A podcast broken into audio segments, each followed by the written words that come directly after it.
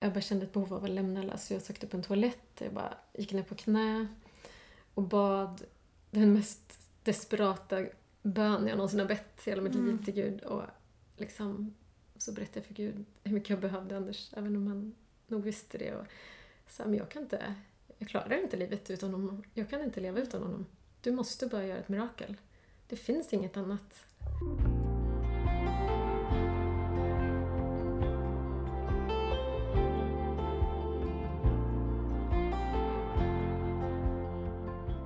Jag är en spontan själ, märker jag. För eh, jag mötte dig, Helena. Eh, och kände så tydligt att henne ska jag prata med. Vad kul. Ja, och du, jag är så glad att just du, nu sitter du här. I, på mitt kontor, i min fåtölj. Och vi ska ha ett samtal om livet, om sorg, om församling, om eh, det, din historia som du har gått igenom. Och om eh, lovsång och jag ser jättemycket fram emot detta. Mm. Jag med. Välkommen till Katrineholm, Tack så jättemycket. till denna metropol. Mm. Eh, hur mår du? Jo men bra. Jag tycker det är jättekul att vara här.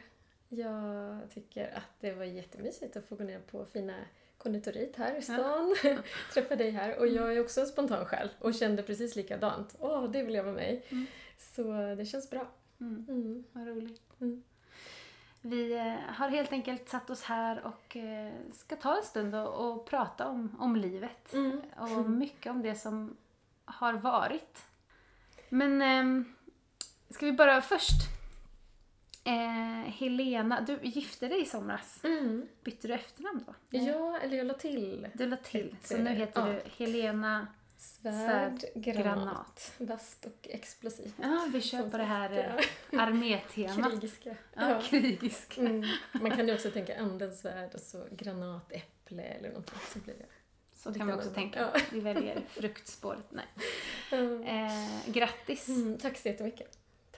Vilken eh, glädje att få, Ja. få gå in i. Mm. Eh, men du pluggar Mm, det gör jag nu. Mm. Igen. har jag igen. gjort i lite perioder. Ja, Tycker det är jättekul att plugga. ja. Men eh, vi sitter här, vi har lite fika och Mm. eh, folk har liksom efterfrågat att jag faktiskt ska säga vad vi har för fika. Så nu, ska jag, nu har vi fika så nu tycker jag vi ska säga vi har kardemummabullar Mm. och eh, vad är det där för bulle? Hmm. Heter får nästan smaka för att Ja. se. Hon sa det men jag kommer faktiskt inte ihåg det är vad en hon sa. det- Det är lite vad de nu heter. specialare. Ja, Ja, så god ut. så det är bra. Men du Helena, vi ska, vi ska prata om en händelse i ditt liv som hände 2016. Mm. Skulle du bara kunna berätta för mig, hur var livet innan den här händelsen? Hur såg, hur såg ditt liv ut då? Mm. Innan 2016? Var, var var du då? Hur Ja. såg familjen ut? Hur? Vi, jag var gift då med Anders och eh, vi hade tre barn som då var nu ska vi se här, 8, 10 och 12 år. Mm. Mm. Eh, Hur länge hade ni varit gifta? ehm, nu ska vi se, vad blir det? 2001 till 2000... Just det, vi skulle fira 15 år tror jag. Wow. 14 hade vi varit gifta. Ja. Det är lång år. tid. Ja, Det är det. man hinner ju verkligen vänja sig vid det livet. Ja. Ja. Nej men vi, livet var, var bra. Vi hade... mm, Jag tänker mycket ibland tillbaka på vad det var som gjorde att jag hanterade eh, det som hände som jag gjorde. Och då tänker jag att eh, några år tidigare hade vi bytt kyrka, eller det kanske var fem år tidigare eller Mm. något sånt. Eh, och vi var med i en jättebra kyrka innan, och, men barnen trivdes inte så bra och det var lite olika saker som gjorde att nej, men vi tog steget vidare. Vilket ändå gjorde att eh, eh, vi engagerade oss, vi har alltid varit väldigt engagerade i kyrkan, både jag och min man. Eh, men vi kände att det var viktigt för barnen och oss och som familj att vi verkligen satsade. Liksom. Mm. Och, så att vi var väldigt engagerade i kyrkan. Jag var med i lovsången och eh, älskade verkligen att tjäna i kyrkan. Mm. Och av många skäl. Liksom. Eh, det är ju så underbart att få eh, ja, se människor få möta Gud helt Mm. enkelt. Mm. Och sen är det ju så härligt att få känna med musik som jag tycker är kul och så. Eh, och mycket socialt, mycket otroligt fina vänner och sådär. Så, nej, men, så vi var väldigt engagerade och barnen var också engagerade i kyrkan och sådär. Eh, vi bodde i ett hus i Täby, norr om Stockholm. Och ehm, ja, Berätta lite om Anders. Mm. Han jobbade som brandman. Mm. Eh, och eh, många skulle nog säga att han var, eh, hmm, vad ska man säga, lite väl nästan... Han var, han var träningsmänniska. Som, Mm. Han hade en otrolig disciplin. Eh, älskade att träna. Och eh, kunde liksom... Han, han var en familjeperson verkligen. Han älskade sin familj, prioriterade sin familj först. Eh, vilket är så fantastiskt också när man tänker tillbaka. Att jag vet att barnen har fått så mycket tid de har kunnat Mm. med honom. Och Just just också på grund av hans jobb så kunde han vara hemma mycket när de var små. Eh, för att hans schema sådär på brandkåren var att jobba natt ibland och dygn någon gång och så var han ledig flera dagar emellan ibland och sådär. Så han var väldigt hjälpsam.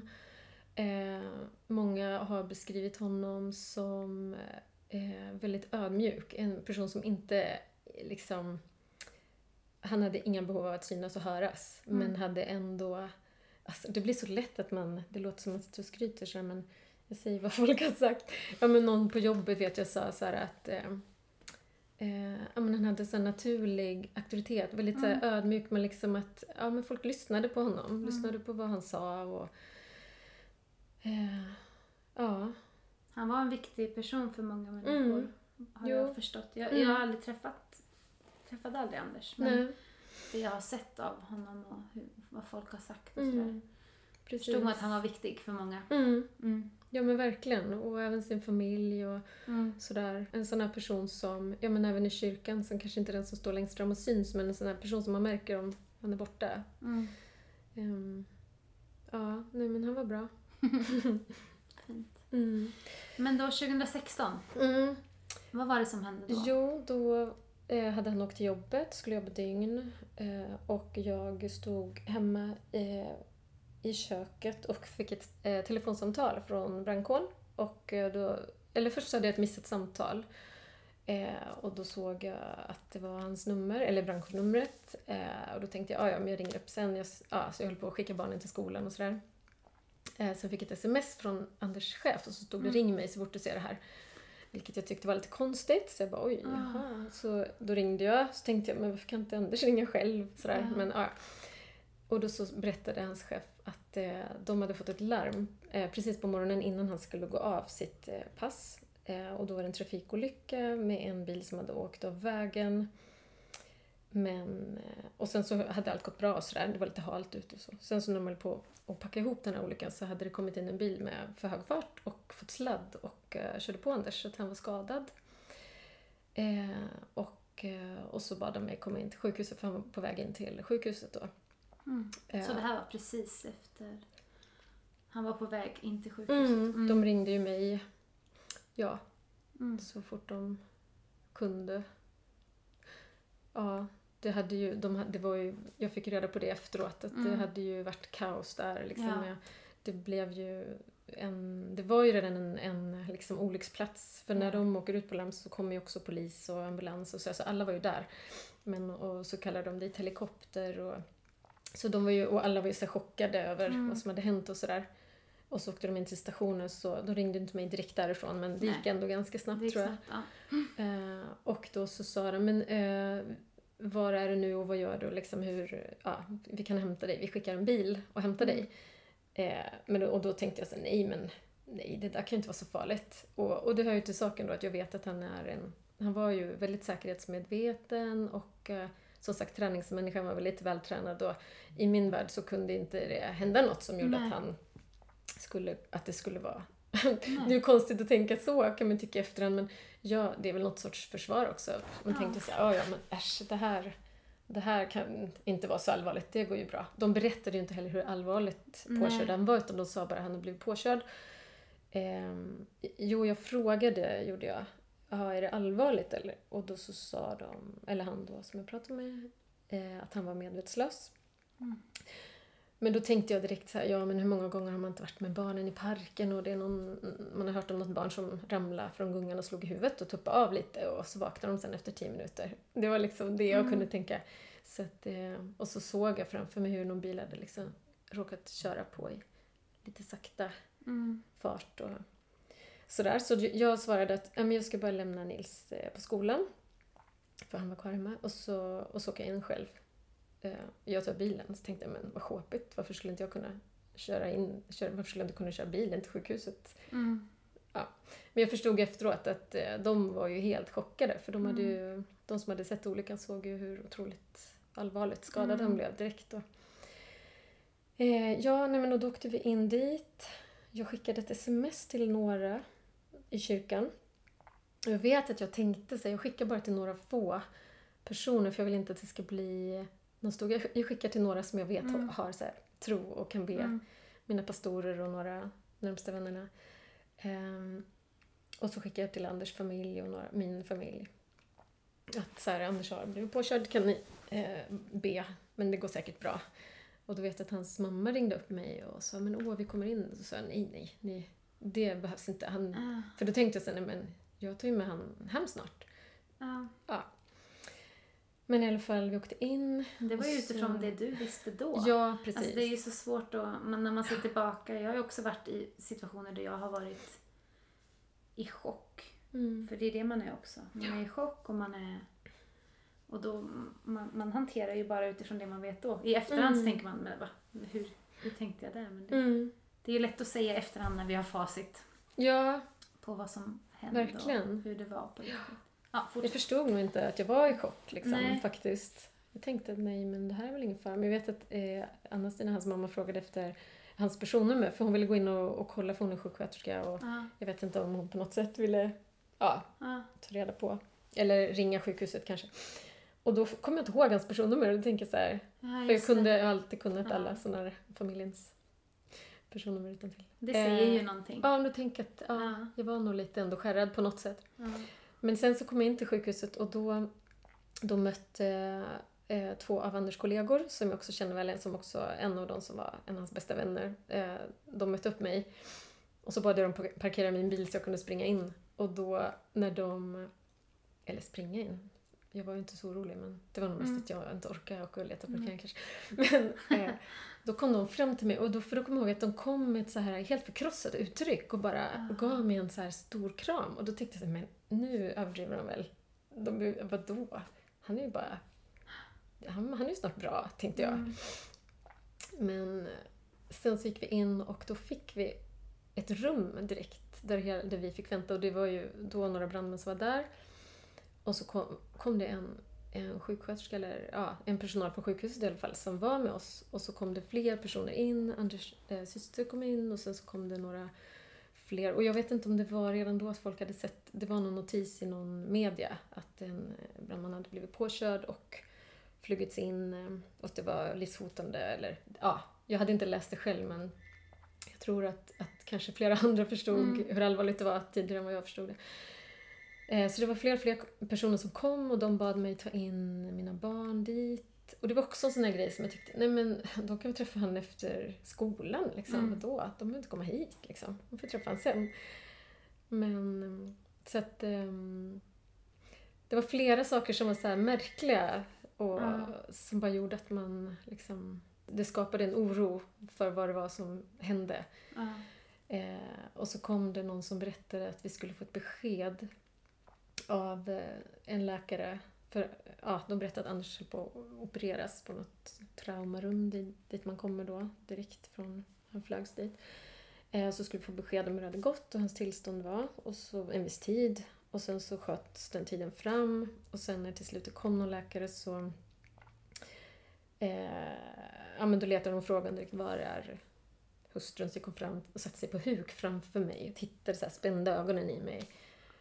Och så sa hon, ja, berättade hon om hans skador och sådär och, och varpå jag sa, men ni måste se till att han blir bra snabbt för han ska åka Vasaloppet om några veckor. Och då hade han nämligen fått en superbra eh, startplats. Han skulle stå i första startled vilket var så här, hans chans. Han bara var så taggad att få en jättebra tid. Han älskade ju såna här eh, tävlingar och lopp.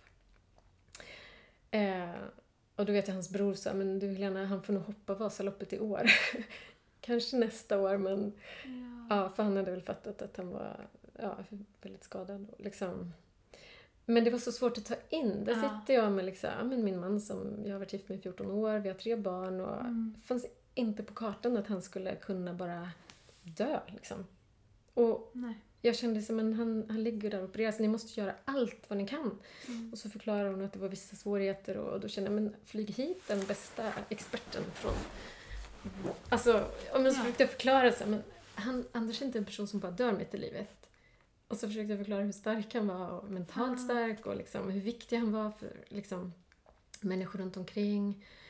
Eh, och eh, ja, jag vet inte. Mm. Jag kände att eh, jag ville liksom försöka gjuta hopp i dem och liksom, är Mm. det någon gång ni måste kämpa och göra allt vad ni kan så är det nu. Mm. Ja. Nej men så det var ju fruktansvärt liksom. Eh, och ehm, det hade spridits på något sätt eh, vad som hade hänt. Så jag fick liksom min telefon plingade hela tiden av sms och böner och det hade bildats en lång bönekedja och jag fick meddelanden från kyrkor och liksom fick höra att folk hade hört av sig till liksom över hela världen och Mm. våran kyrka som är med i en global kyrka, att de hade liksom pausat någon inspelning i om det var i LA eller i Australien och liksom folk bad Wow. överallt. Folk bad i kyrkor här, Afrika och Island, USA. Ja, men, sådär. Mm. Helt otroligt. Så mitt i allt var det bara wow, vilken mobilisering, vilken kraft Ja. det finns i liksom Kristi kropp liksom, när man är en del i, i kyrkan. Och, eh, och du vet, och det gav mig också tro. Jag kände så här: okej, men är det någon gång Gud gör ett mirakel så är det nu. Jag tänker inte lyssna på någon läkare som säger att det kanske eventuellt är kört. Utan eh, Gud är större, Guds namn är större. Och jag hade sån tro, verkligen, att Gud skulle göra ett mirakel, Gud skulle hela Anders. Jag sa det till barnen, jo för de kom ju in då. Mm. En av mina eh, svågrar åkte hem och, eller till skolan och hämtade barnen. Och, ehm, och så kom de in och då sa jag, men pappa kommer bli bra. Mm. Gud är med oss och det kommer gå bra, Mm. sa jag till dem. Och det var också sådär sen... Eh, nej men jag kunde inte tänka något annat. Nej. Jag har liksom levt det livet av tro på Gud, att Gud är Mm. med. Det fanns liksom inte att Gud skulle kunna ens Mm. ja, eh, låta det här ske. Jag vet vid något tillfälle, det kom som sagt in mer med folk och jag sa ju att det var okej, jag tyckte det var härligt. Att det blir som att vi bara stod tillsammans där någonstans. Och även från brandkåren och den här gruppen som Anders eh, jobbade med, som han var styrkeledare i då, som hade varit med på larmet. Eh, som hade sett olyckan. De kom in också och de var ju helt liksom, förstörda också. Mm. Eh, nej men, och vid något tillfälle så vet jag att jag bara kände så här, eh, jag började må illa och jag bara kände ett behov av att lämna alla. Så jag sökte upp en toalett. Jag bara gick ner på knä och bad den mest desperata bön jag någonsin har bett i hela mitt Mm. liv till Gud. Och liksom så berättade jag för Gud hur mycket jag behövde Anders, även om han nog visste det. Och sa, men jag kan inte, jag klarar inte livet utan honom. Jag kan inte leva utan honom. Du måste bara göra ett mirakel. Det finns inget annat. Så, ehm, ja. Mm. Sen så flyttades han till SIVA, intensiven. Och då så sa jag läkaren, ja men vi, vi är ändå bra på intensivvård. Eh, vi hoppas att läget kan stabiliseras. Men om det här ska gå bra så måste vi hålla honom djupt nedsövd i en vecka. Mm. Och då vet jag att jag tänkte... Då gick det nog in lite hur allvarligt det var. Mm. Ehm, ja. Sen var det ett och ett halvt dygn på SIVA där av Mm. bara kastas mellan hopp och förtvivlan. Och jag kan liksom ingenting om sjukvård egentligen, så alla de här mätarna som Mm. sitter och mäter olika... Ja, det säger inte mig så mycket. Men han låg där i sin säng. De hade ju tvättat av honom lite sådär. Och han var lite gipsad, hade brutit någon arm. Och, men sen var det mest huvudet som var skadat. Så att han hade lite bandage och... ehm, Mm. Ja, men annars så, han såg väldigt... Eh, han var sig själv på något sätt, som att han Mm. låg där och sov. i alla apparater och ehm, förutom att han var lite blå runt ögonen och det var så fint också, sjukvårdspersonalen var så fina mot barnen när de berättade. Det ser ut som att pappa har sminkat sig lite. Mm. Sådär, men att de var med och vi var där och... Och jag gick runt och bara göt mod i alla. Det är liksom min bild av... Jag kommer ihåg att alla var liksom mer och mer förkrossade. Jag bara, nej, sluta inte tro. Liksom, jag sa till, Mm. du vet, alla som var troende framför allt, det bara, men ni får inte sluta kämpa. Och sen på natten så, då ville två av mina barn ville hem och sova hemma. Jag ville inte lämna Anders och Alma, min äldsta då, hon ville vara med mig. Och då, så då fick vi ett rum där och då så var jag mest med henne i det rummet och så, och så följde mina barn, åkte de hem med min pappa Mm. och hans bror. eh, och, så det var ju fantastiskt att det fanns så många där som kunde hjälpa till. Och sen så var Anders bror och en kompis kvar också på natten och då vet jag sa till dem, men spela de här sångerna och den här musiken. Och det var en, en låt som en vän till mig skrev, Daniel Cumming som du vet, som Mm. heter In Jesus name. Och liksom jag bara proklamerade ut den, han brukar lyssna på den, han Mm. älskar den. Och jag bara, ja. Ja, sen så dagen efter så, ja, det var ju redan jättedåliga värden och, och det hjälpte ju inte. Men, och då, då skulle de göra någon undersökning som man gör för att se om det finns någon typ av aktivitet i hjärnan Mm. eller vad det är. Och innan det så var det, kom det ju någon, en donationssjuksköterska och pratade med oss och frågade om vi, hur vi stä- ställde oss till donationer, om vi hade pratat om det tidigare och sådär. Ehm, och det var också lite så surrealistiskt att man satt där Ja. och så låg Anders i rummet bredvid och såg helt stark ut. Han andades och liksom, eller han andades ju med hjälp då men han såg stark ut och så sitter någon och frågar men kan vi få ta hans hjärta? Är det okej att vi plockar ut alla organ? Och, ja, så det var också sådär, men att man fick tänka sig okej, men, ja, de hade ju sagt att förmodligen så kommer han inte klara sig. Och om han inte klarar sig skulle han kunna tänka sig att donera och då tänker jag på just vem han var, att han, han brann ju för att rädda liv. Både liksom andligt, Mm. han älskade ju att också predika och undervisa och Mm. dra människor till Jesus, men även i det fysiska. Mm. Så, att, ehm, så det var också lite konstigt, men någonstans kändes det så fint att, att få Mm. kunna fatta det beslutet också där. Ja, nej men och sen så fick vi beskedet, då, då var det en läkare som då skulle berätta det här och ville samla alla och då satt vi i ett stort rum och det var, mina pastorer var där också och vänner och, från kyrkan och eh, brandmän och släktingar. Vi var väldigt många så Mm. de sa Åh, vi är så många så vi måste hitta ett så här stort rum där vi kan få plats allihopa. Mm. Och min familj kommer ju från Värmland. och, Ja, det var ju många som hade rest. Eh, och då, då samlades vi där och jag hade väl fattat vid det laget vad beskedet skulle vara. Och då sa läkaren med, man såg liksom hennes smärta någonstans tror jag. Inbillar mig att det var i alla fall för hon fick tårar i ögonen och så bara sa hon så här Anders är död. Och så var det liksom bara helt tyst och ja, Mm. någon började gråta och lite så här. Och, och jag satt där i det där rummet och höll armarna om mina tre barn så här och, eh, och någon av dem började gråta. Usch, det, ja. Ja. Och vi sitter här och gråter. Ja. ja. ja, men det är ju liksom det värsta nästan om man tänker på barnen. Mm. Att, att behöva få det där beskedet. ja. Det ska inget barn behöva få. Nej, om sin älskade pappa. Nej. Liksom.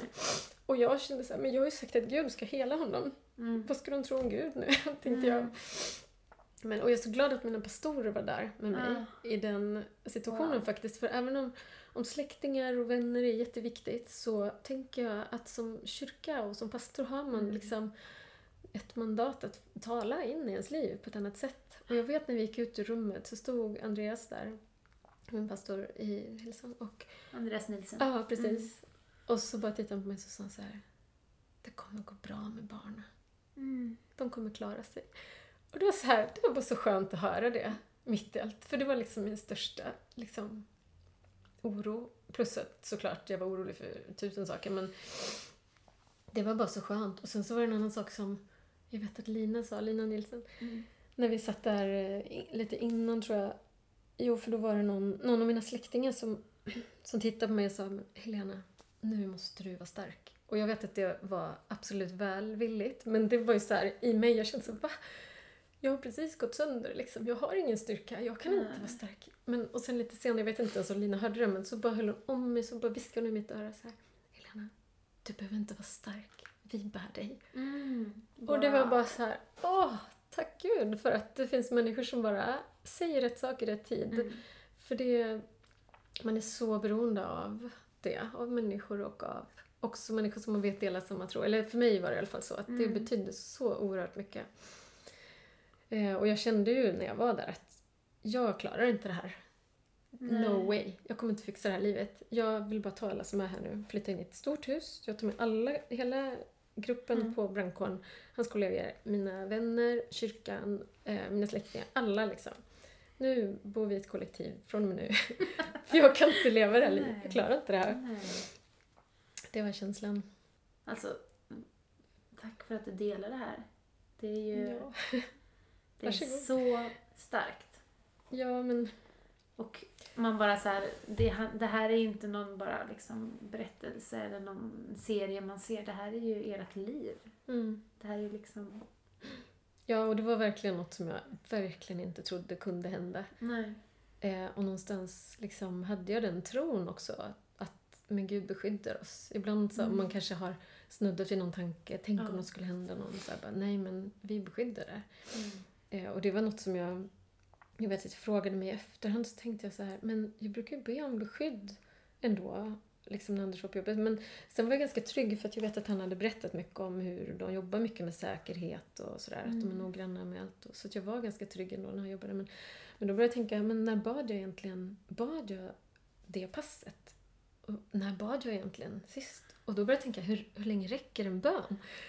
Och då blir man ju helt galen när man tänker sådär. Men, och du vet, jag frågade Andreas, eh, också min pastor, vid något tillfälle om det där. Eh, men att han liksom sa, men Gud är ju vår far.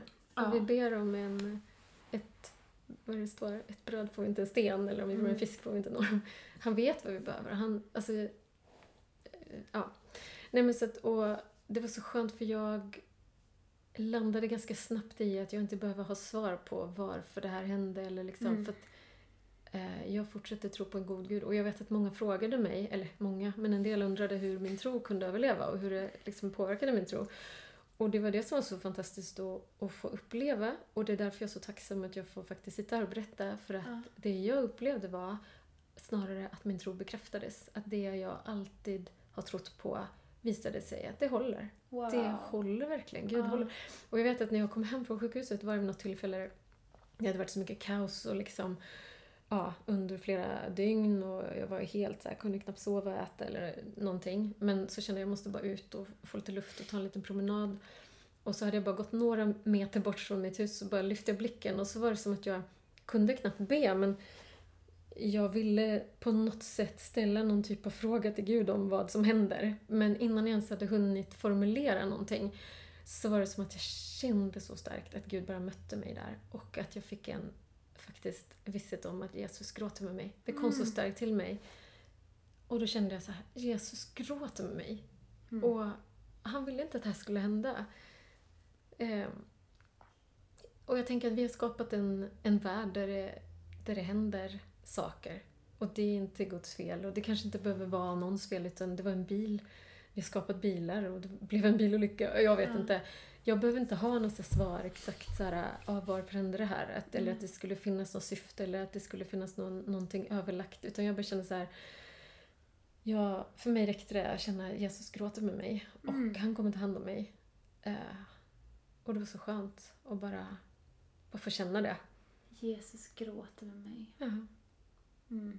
Och tröstar. Mm. Och det är också en sak som jag sen fick erfara så många gånger, verkligen många gånger eh, under åren som följde.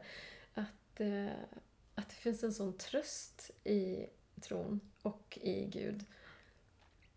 Och eh, till exempel vet jag efter, nu kanske jag hoppar lite här, säga, men efter begravningen Mm. Eh, för det var ju liksom en period som följde av bara pff, jättemycket saker som ska fixas som man Mm. bara kände så här, men jag ska inte behöva göra det. Det kändes så här surrealistiskt att sitta och, och hantera så frågor om vilken kista ska jag välja eller vad ska, vad ska min man ha på sig eh, i graven eller mm. sån här, ja, gravsättning och alla de här orden som jag förknippar med en gammal människa. Så tänker jag så här, att det kändes så fel och mm. ja, det var liksom en, en månad av planeringar och fixa saker som bara jag inte ville göra. Det var som, du vet, jag kände bara, jag vill inte det här. Jag vill inte att det här händer. Men i alla fall, när begravningen var över så, så vet jag att jag... Det var lite som att, du vet, jag bara kände, okej, okay, nu börjar det liksom. Nu börjar det här tuffa som jag ska klara själv. För att det var så mycket som händer innan. För det tror jag också är en viktig grej att tänka på när människor är med om det här. Att ibland kan folk tro att begravningen, ja ah, men skönt, nu är det ett litet avslut, nu kan man gå vidare och börja leva livet. Fast det är då det börjar, det är då det svåra börjar. Det är då mm. vardagen kommer, där man ska försöka hantera den själv. Men då tog jag i alla fall en promenad upp till graven och redan när jag började gå där så var det som att en, det var en så fantastiskt vacker vårdag och solen lyste jättestarkt och så blev jag så påminn om ordet där det står att eh, Gud ska låta eh, rättfärdighetens sol gå upp med läkedom under sina vingar. Och tänkte så här, vad fint liksom att Gud låter sin sol lysa eh, mm. och påminna om det. Och så gick jag i alla fall upp till graven och så stod jag där jättelänge och bara grät och bad och, och var liksom i sorg, verkligen jätteledsen. Mm. Och sen så kom det en sång, apropå lovsång, för då kom det en strof till mig. Eh, en sång som vi precis hade börjat sjunga i, i kyrkan. Som heter Du lämnar mig aldrig. Mm. Och, för jag var med i den eh, när vi sjöng den första gången. Liksom. Och då blir det ofta, när man jobbar med en sång, det är det som jag tycker är så härligt med när vi liksom, att man inte bara lyssnar på lovsång utan man verkligen är med och, och vill lära andra de här sångerna och vill ja. peka andra mot Jesus genom lovsången. Att då blir det så verkligt i en själv, att man jobbar med sitt eget hjärta. Mm. Och jag vet att jag satt med den där texten och skulle lära mig den utan till för det. Och det är också så bra tycker jag, att, att när man kan sånger utan till man inte står med textpapper utan det blir levande i en, ens egen själ och ens hjärta.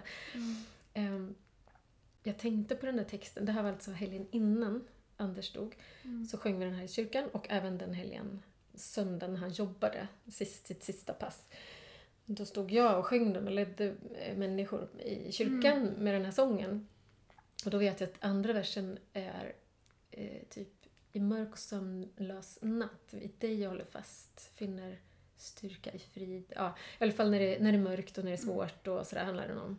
Eh, men hålla fast. Och då vet jag att jag tänkte på det här, kan jag stå och sjunga det här? Liksom, vet jag att jag är så här att jag håller fast vid Gud även när det är mörkt och när det är tufft och när det är jobbigt. Liksom, så att det inte bara blir glättiga ord vi står och sjunger. Mm. Jag vet att jag verkligen tänkte du vet, på att eh, mm. jag vill tro på det jag sjunger mm. och verkligen... Mm.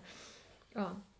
I alla fall så slutar den där sången med jag vet att du bär mig Gud, för du lämnar mig aldrig. Mm. Och då tänker jag så här, det var lite fint att, att just jag som skulle vara med om det här stod och sjöng ut det. Ja. Eh, och proklamerade ut liksom inför ja. människor på något sätt. Jag tänker att det blir så starkt för att det framförallt gav mig någonting. Det byggde in styrka i mig tror jag.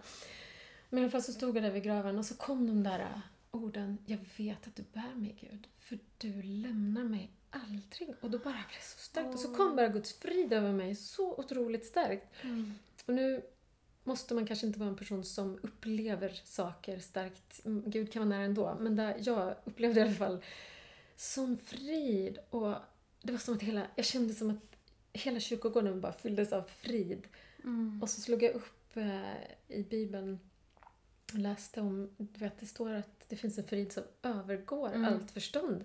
Och då tänker jag också, men tänk att jag får uppleva det. För det kan vara lite svårt ibland att förstå vissa ord, tror jag. Men att det finns verkligen en frid som är... Den övergår förståndet. Vi kan inte ens mm. förstå den. Och att Gud bär mig alltid. Och då igen så bara tittade jag upp på solen. Och så kom det där ordet igen. För jag ska låta rättfärdighetens sol gå upp med läkedom under mm. sina vingar. Och sol är en bild på, läste jag, på kungen. Och kungen är Jesus. Så jag bara, okej, okay, Jesus kommer med läkedom till mig. Mm. Och det var som att jag kände då redan, så dagen efter begravningen. Mm. Han helar mig, han helar mitt hjärta och jag kommer klara det här. Det kommer mm. gå bra.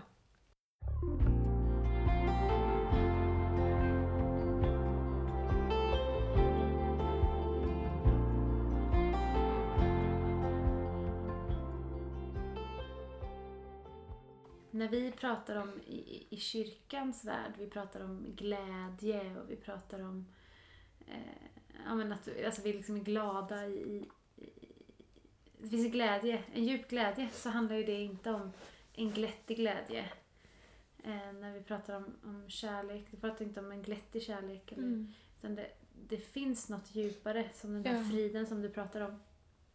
Det finns en djupare frid som inte är bunden till omständigheter. Mm. Utan som på något vis vi kan få... Den kan lägga sig som en... Ah, i våra hjärtan. verkligen. Och det, det, det, när man väl har fått uppleva det så, så är det svårt att tänka att man skulle leva på ett annat sätt. Mm. Jag tänkte på det nu när du pratar också, så här, det kommer bibelverser spontant. Mm. Eh, man märker att du... Det där tycker jag är så häftigt. Mm. När vi går igenom tunga passager, att man blir påmind Mm. om bibelverser. Mm. Det spelar roll vad vi fyller av våra Exakt. liv med. För att när du väl står där i, i sorgen, Mm. då kommer det fram. Liksom. Precis. Bibelverser som verkligen om, ehm, kommer till liv.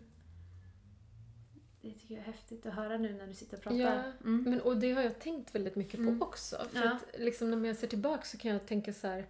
Faktiskt till och med så, då tänkte jag inte så, så mycket men nu kan jag tänka så här, oj men hur klarade jag det där? Vad stark jag var. Men Mm. Gud bar mig verkligen. Men då har jag funderat på hur kommer det sig att, för jag var ju så här, eh, liksom, det var, det var bara så självklart att vi skulle åka till kyrkan, fortsätta leva det liv vi har levt. Men då tänker jag att det beror ju på att vi hade fått in våra vanor och våra Ja, rutiner. Innan. Och så tänker jag på, vad står det, är det i Romarbrevet någonstans? Att tro kommer av predikan och predikan är kraft, kraft av Kristi ord eller så, något sånt. Mm. Eh, att liksom, jag hade så mycket tro och då tänker jag att det hade att göra med att jag har fått tro från Guds ord och från predikan. Mm. Jag tror att det är viktigt att vi går till kyrkan och vill lyssna på Guds ord och vi läser Guds ord och äter Guds ord för det formar oss.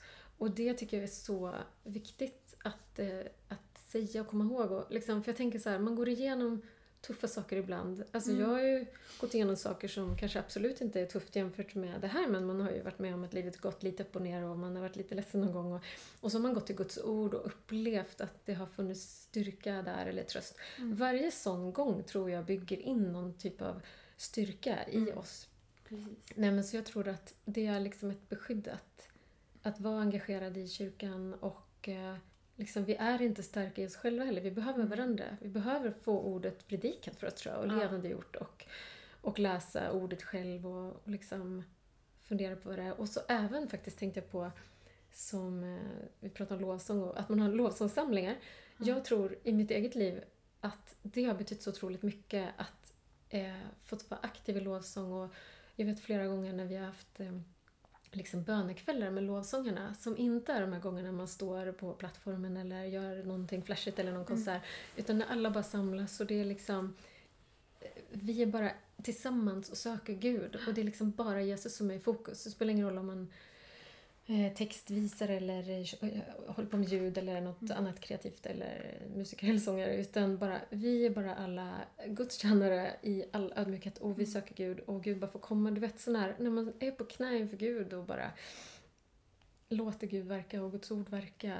Och, för jag tror att det gör någonting med våra hjärtan. För jag har Mm. tänkt på att man tar sitt hjärta hela tiden till Gud och även när man, när man har någon typ av ansvar i kyrkan eller att man liksom leder i lovsång eller man har, kanske leder någon grupp eller någonting. Ja. Jag tänker att, att det gör någonting med oss att vi måste jobba med våra hjärtan hela tiden Mm. för att vi har ett ansvar för andra människor. Mm. Och det gör, nu menar jag inte att man är på något sätt mer perfekt för det, men att man hela tiden tar sig till Gud och man Mm. låter honom få lysa i ens hjärta. Och man hinner inte gl- glida iväg så långt åt något håll, förstår du vad jag menar? Mm. Och, eh, Gud får jobba med Mm. en.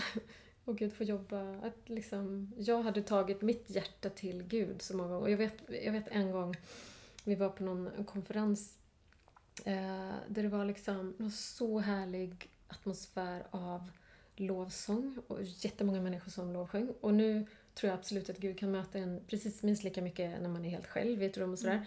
Men jag tror att det är något speciellt när vi samlas. Mm. Och, ehm, och då var det vid något tillfälle, när det var en, också en textrad som blev så levande för mig. Mm. Ehm, So take this heart Lord, Mm. I'll be your vessel, Mm. the world to see your love in me.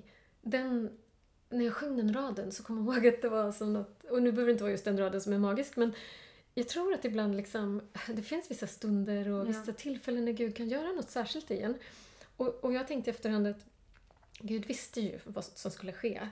Och, och Gud visste kanske att jag behövde vara på en plats av total överlåtelse för att klara det här. Och jag Mm. tänker, tack gode Gud att jag var i kyrkan och jag var på platser och Mm.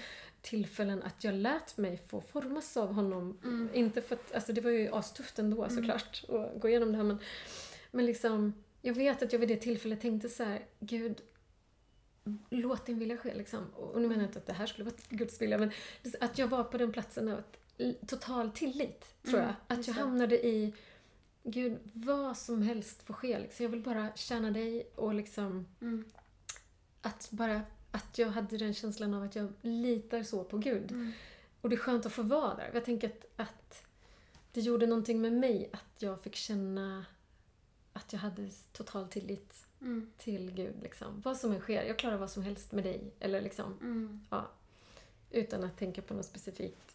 Jag har också funderat på vad är det som gjorde att vi valde att liksom dra oss nära kyrkan. Jo, men vi hade ju redan etablerade relationer, vi var engagerade, barnen kände människor. Liksom, eh, jag är så glad också att jag åkte in även när Anders inte kunde. Han jobbade ju ibland på söndagar, för han jobbade ju oregelbundna tider sådär som brandman. Så var fjärde söndag jobbade han alltid och ibland bytte han lite och sådär.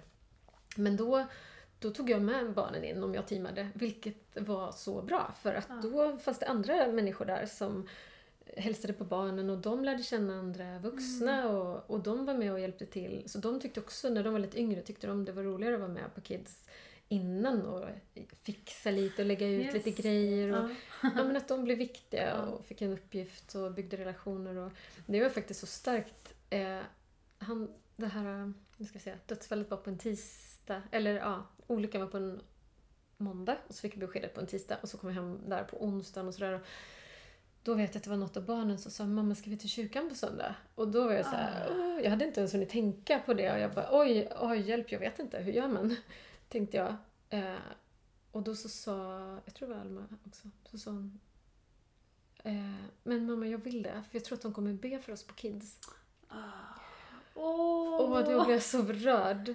Och då tänkte jag Wow. wow vad det betyder Ja. mycket. Och sen att folk också hörde av sig Mm. från kyrkan och även vänner och sådär. Det är också en så otroligt viktig grej. Och kyrkan är ju vi. Mm. Det är ju vi människor som är kyrkan. Och att, att man både har det här äh, hoppet, Mm. pekar varandra mot en framtid och liksom men samtidigt omsorgen. För jag tänker om vi hade varit en kyrka där vi bara kom och satt längst bak i en, en kyrkbänk och sen gick därifrån, då hade vi kanske inte hade vi kanske inte gått liksom. Men vi kände oss så burna, så omslutna och det skulle jag vilja faktiskt tipsa alla eh, ledare i någon kyrka. När man ser människor gå igenom en sorg. Jag känner att eh, min kyrka tog så fantastiskt fint hand om oss. Berätta, vad gjorde Ja, nej men första söndagen var det så här, ja men då var det team som stod, liksom förstod att det kanske var svårt att möta människor. Mm. Jag var ju så här verkligen i chock och kunde verkligen inte äta på flera veckor och var helt så här, jag kunde inte ta in vad folk sa, det var svårt att prata och liksom, men då, då stod det ett team där redo och bara tog upp oss in på någon så här green room och gav oss Mm. lite så här äh, vatten och snacks och, och så fick vi, följde de med oss in, hade satt platser där vi skulle sitta liksom. Så vi fick sitta Åh, wow, Ja men en lång period fick vi sitta så långt fram och ha församlingen i ryggen. Och det var också så starkt att få stå där. Man kunde gråta hur mycket man ville. Och så hade man liksom sina vänner nära och liksom människor som hade omsorg. Ja. Och, och så, ja. Och så kunde man liksom bara få stämma in i den här starka, underbara lovsången Mm. med människor som bara stod runt omkring och omslöt med sin frid, eller liksom styrka och Mm. sådär. Men, eh, och sen så var det också, de fanns ju med, alltså de höll ju i begravningen och allt men åh, de fixade så mycket och tog bilder och dokumenterade allt och de fixade ju också, först hade de en bönekväll innan vi hade fått beskedet att eh, Anders dog och det var också fantastiskt med så många människor som bad. Och och jag tänker så här den bönen, det var, jag tror det var Ida Möller Mm. som spelade in och skickade en lång fil på hur bönen lät. Mm. Och det var flera som sa såhär, Åh, vi har aldrig sett kyrkan be så här starkt Ja. och så mycket. Och, liksom, och det berörde mig också så mycket. Jag tänkte, okej, han överlevde inte men jag tror inte bönerna var förgäves. Jag tror att det ändå gav resultat. Mm. Och att det är så många som har bett. Och jag vet att folk i kyrkan hörde av sig. Det var alla möjliga från alla möjliga håll. Jag vet, eh, flera månader senare fick jag ett sms från en eh, ung tjej som, som bara skrev bara så du vet det, jag har ställt ett alarm så här, varje dag klockan fyra så ber jag för dig. Mm. Och, ja men liksom helt otroligt. Det var så många som, Mm. som bara fanns där och gjorde vad det jag skulle säga. De hade en, en minnesstund också och då hade de fixat så fint och lagt fram böcker där folk fick skriva Mm. och barnen fick rita teckningar och liksom och bara den omsorgen som fanns om barnen. Människor som liksom, ja, hörde av Mm. sig och bjöd in på saker och bjöd in till liksom middagar och fredagsmys. Och, I och för sig, vi levde ju det livet innan så det är det som också är lite så att jag känner så här, jag fick ett kvitto på att ja, men vi, hade, vi hade valt ett bra sätt att leva. Mm. Det är ett bra sätt att leva, att satsa på kyrkan och satsa Mm. på familjen och familjeliv och att liksom sträcka sig ut till andra människor. För det, var ju, det är ju det som är syftet mycket. Sådär. Och vi hade en connect-grupp och vi tog hem människor i vårt hem och älskade att liksom finnas där för andra och bygga livet och göra livet tillsammans och dela livet. Det tror jag är viktigt. Mm. Det kändes i alla Som fall ni som fick- att det var... Ni fick tillbaka. Liksom. Ja, Mm. precis. Och sen blev det sportlov och då fick flera erbjudanden att haka på oss till fjällen. Och Mm. liksom, Mm. Vilket också var så här, åh, det var så skönt för jag var så orolig i början att man skulle bli ensam eller åh, ska jag bli den här ensamstående, utslitna, ensamstående trebarnsmamma med påsar under ögonen. Jag fick en sån här bild av Ska jag bli någon annan nu liksom än den jag är och vill vara? Mm. Ehm, Så... Nej men också att folk trodde på mig fortfarande. Det var också sådär Mm. att eh, jag blev inte degraderad bara för att inte jag hade någon man så hade jag fortfarande något att ge. Det kanske Mm. låter konstigt eller självklart men eh, liksom sen att jag... Men det, kan, det tror jag de som har varit gifta kan liksom känna igen sig i. Alltså, man, man, bygger ju någon, man bygger ju en enhet Mm. liksom. Eh, jag kan inte ens tänka mig, jag kan inte tänka bort Lukas. I, Nej. i, det går ju inte. Eh, Precis. Där, det kan jag verkligen förstå att du säger så. Mm. Men du, vi har pratat mycket om, och jag alltså wow, all, all heder åt Hillsong som, Mm, som eh, tog hand om er så fint. Men jag tänker, hela den här liksom, perioden efteråt. Eh, du förlorade Anders, barnen förlorade sin pappa och, och allt det som du har gått igenom. Så, så har du liksom stått fast och rotad i församlingen. Det är ju fantastiskt. Ja. Och där, där skulle jag bara så här, ja men nu folk som sitter och lyssnar på det här eh, som är med i en församling. Har du några tips hur man kan, hur kan man göra till någon som går igenom sorg? Mm. Nej, men jag tror att det är jätteviktigt att finnas där praktiskt. Ja. För att vi är kyrkan. Mm. Kyrkan är inte en byggnad vi går till utan kyrkan är någonting vi är. Ja. Men det är ju svårt om man inte lever det livet, om någonting händer, att helt plötsligt bara eh, liksom knacka på. Jag tror att många är liksom rädda för att människor har integritet och Mm. liksom att man inte vågar tränga sig på. Jag, var- jag var bara med om det någon enstaka gång när jag märkte att någon inte vågade säga något. Liksom, det var någon, någon av barnens klasskompisars föräldrar. Så här. Vi gick samma väg och, till skolan, några minuters promenad och liksom under hela tiden så Ja men det blir som en elefant i rummet att man inte vågar säga något och då tänker jag att jag också vet att det var någon som någon av Anders kompisar som sa så här, men nu när jag är ute och åker rullskidor så tar jag en jättelång omväg för jag tänker att om jag åker förbi ditt hus kanske du blir påmind om Anders, då kanske du blir ledsen. Tänkte Oj. så här, eh, påmind om Anders, alltså jag har svårt att... In, alltså jag tänker på honom hela tiden. Och eh, jag tyckte det var så underbart när människor hörde av sig och, och pratade. Och liksom. Men man är ju olika som personer. Jag har, ju liksom tyckt att det har varit skönt att, att få prata och höra andras minnen om honom och även för barnen framförallt Mm. tänker jag att det är viktigt att eh, folk fortsätter prata om honom och berätta ja, men även vänner han hade när han var yngre som innan jag och han kände varandra. Det är viktigt för barnens identitetsskapande att få lägga pusslet av vem är deras pappa. Liksom. När de kommer växa upp kommer de hamna i situationer de vill se tillbaka och kommer med nya frågor som vuxna och sådär. Men, förlåt nu flummade jag ut lite. Men tips är ju att våga finnas där och inte släppa. Inte bara liksom säga någonting initialt och sen försvinna. För att det, livet förändras ju under en lång tid. Fortsätt att inkludera. Och jag vet att det är många som... Jag, det blev ju ändå att jag liksom ändå lärde känna andra människor i sorg. Eller som kanske hade varit med om, ja, blivit änka eller. Eller kanske en del som har blivit lämnade eller ja, mm. andra anledningar själva. Och det är många som upplever att man inte blir inbjuden på samma sätt. Att man ser annorlunda på eh, par eller kärnfamiljer eller familjer som ser annorlunda ut i kyrkan. Mm.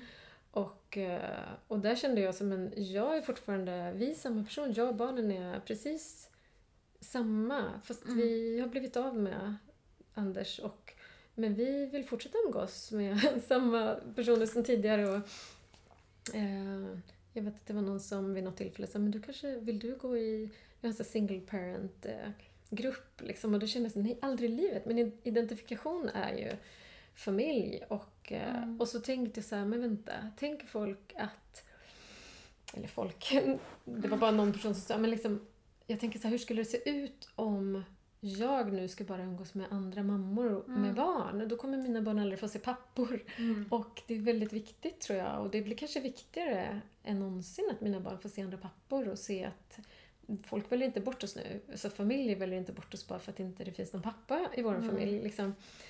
Utan att eh, man får inte vara rädd för det. Och jag, jag tycker faktiskt inte att det hände mig så liksom, ofta utan mina vänner har ju funnits kvar och mm. de som vi har umgåtts med som familjer och som barnen känner sig trygga med.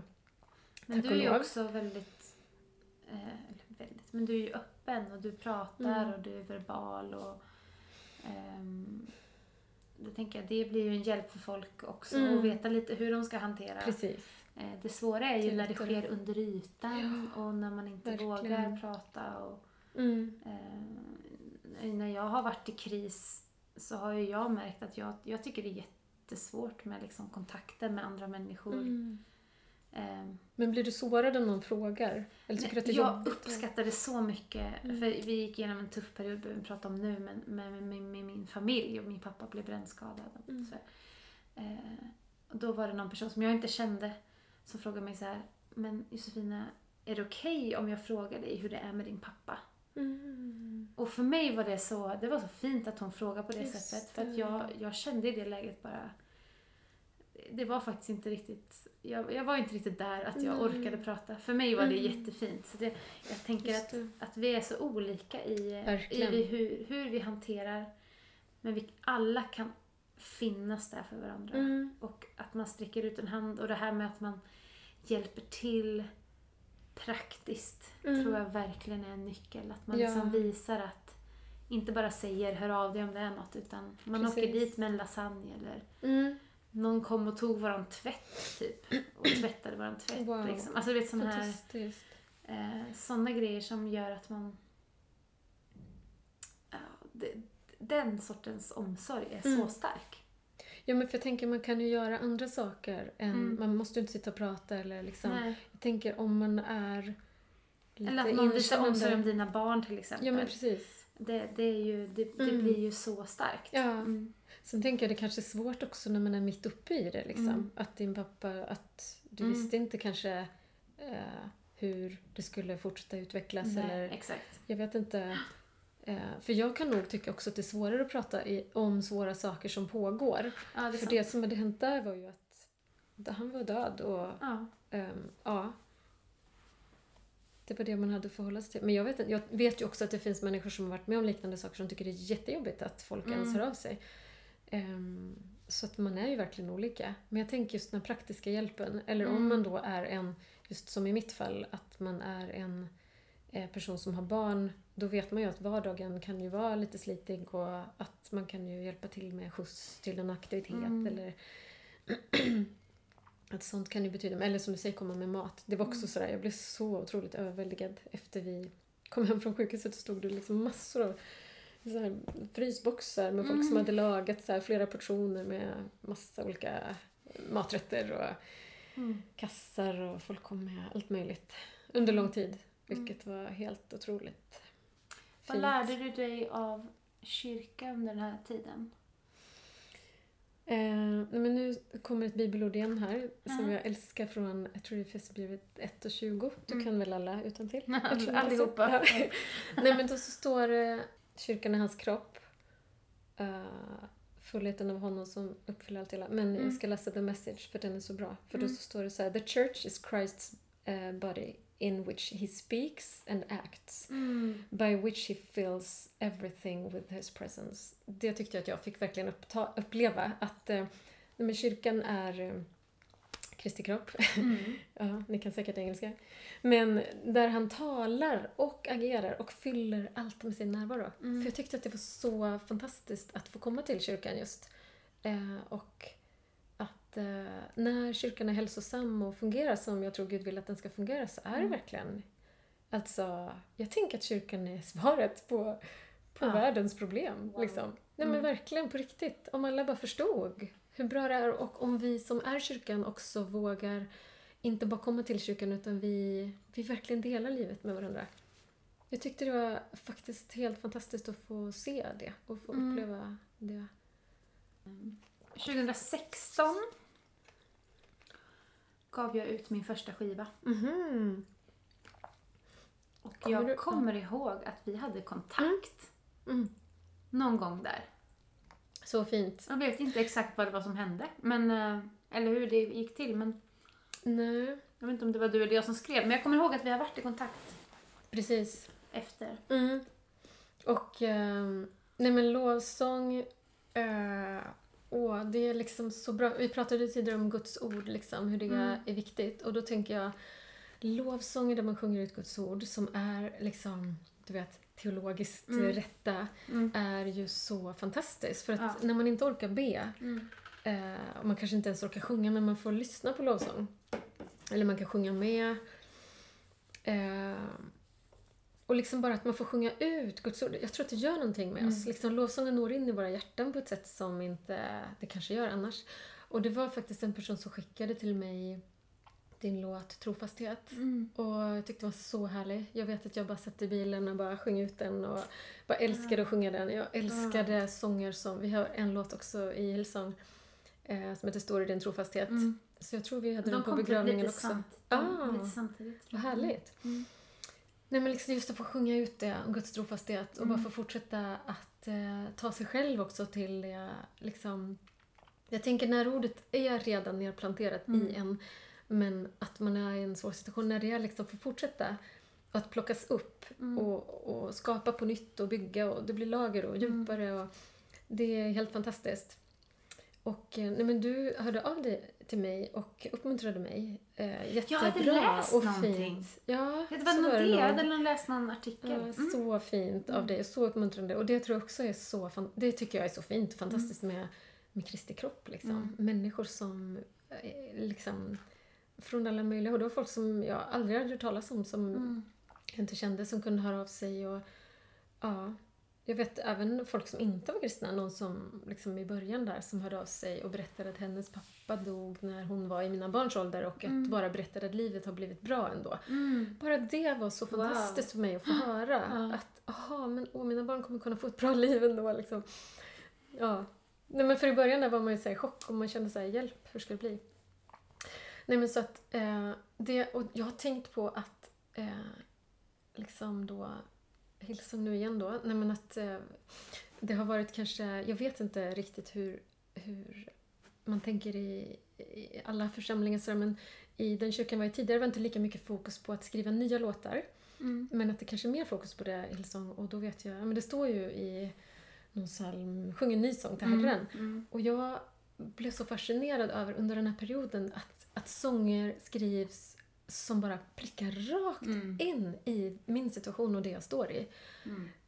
Och jag vet att jag åkte, på sommaren då åkte jag och barnen och hälsade på några vänner i USA och då hade de skrivit en ny låt i den kyrkan som heter Full Control. Mm. Åh, älskar den. Ja, Ja. helt fantastisk. Mm. Och då fick jag stå där och bara "Ah, Den är till mig!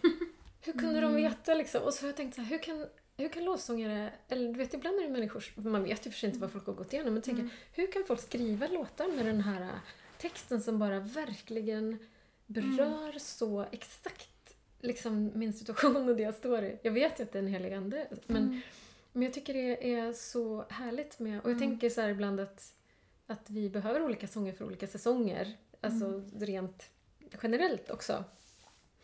Eh, och att det är, det är så underbart med Ja. att, att det kommer nya sånger som bara, ah, nu kommer det något nytt och något nytt fokus liksom. Jag brukar verkligen i varje liksom, skivprojekt och varje co-write, alltså det som har varit viktigt för mig i hela processen när vi skriver sånger är att men gud, vad vill du att vi ska sjunga ut nu i den här Wow. tiden?